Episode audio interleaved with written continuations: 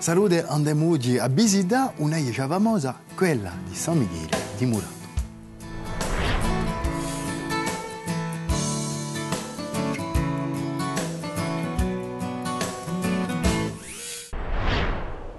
Alzata al XII secolo, la iglesia San Michele di Murato in Lunepiu è situata a 475 metri di altitudine, nanta una pianaccia al centro di Da che si può comunque la gente di tutti i contorni.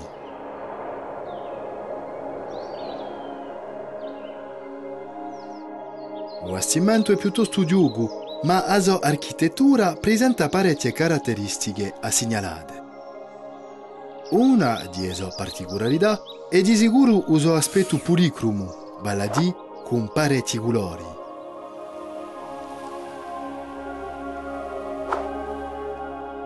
Si vede di no a ricchezza di uso di gore zuccato, forse il più ricco fra tutte le iese romaniche di Corsica. Si può dire che è un bel paragone di l'arte romanica di stile pisano a Iesa San Michele di Murato.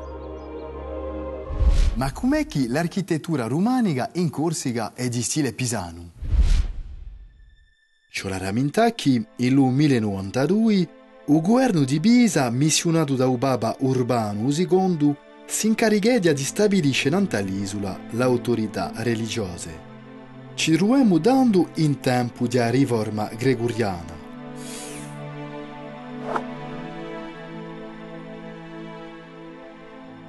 Ogni vescovato è diviso in pieve.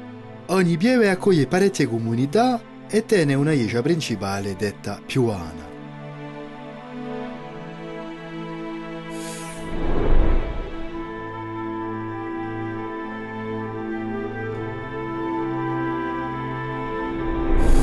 Gettando che le sono alzate più di 500 iese in Corsica in un secolo, come iese di Garbini di San Fiorenzo o quella d'Aregno in Balagna.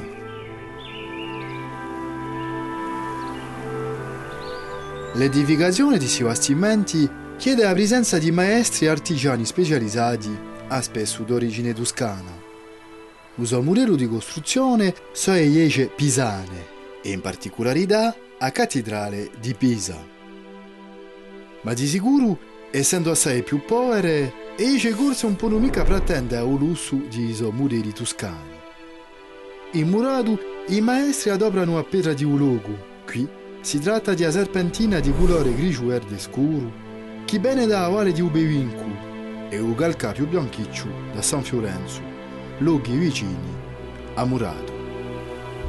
La Iesa di Murado presenta elementi d'architettura spudighi dell'arte romanica di stile pisano.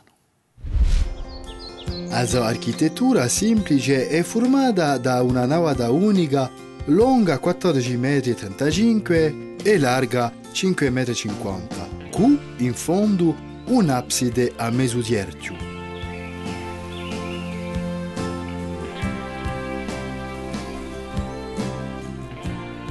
Nanta la facciata principale c'è un decoro nonta un'arcatella triplice collocata a mesaltezza. Longa cima di muri, giusto sotto il tetto, corre una cornice fatta con un frigo di disegni fini fini. Sa cornice a sostiene arcatelle tondule poste nonta modiglioni, zuccati.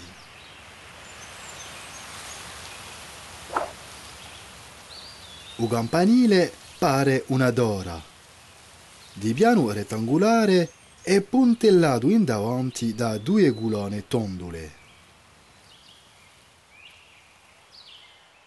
È un poco sproporzionato per via di una ristorazione fatta a fine del XIX secolo, ma è forse di no una di particolarità di Aisha.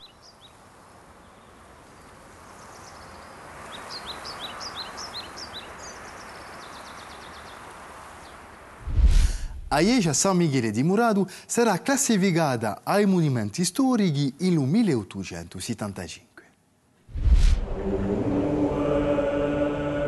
Come ha spesso in le Iese romaniche corse di stile pisano, in Trento di Gori ce n'è poche micca.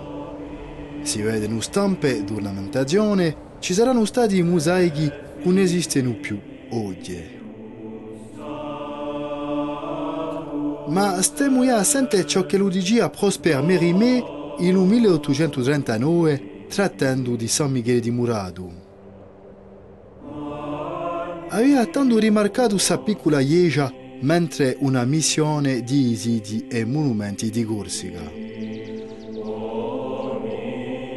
Mi tocca parlare di sculture, su cade meglio qui che in tutte le altre liegi di Corsica è sempre di bella fattura. Abbiamo intuato merimè l'irregolarità di combinazione di colori. Ci vediamo oggi che oggi che su mischio di colori ci fa pensare a un tempio dell'antichità più che una chiesa. Per compiere si può dire che San Michele di Murado simbolizza l'arte romanica a modo pisano. È certa che la verma fra i più belli divisi di Corsica.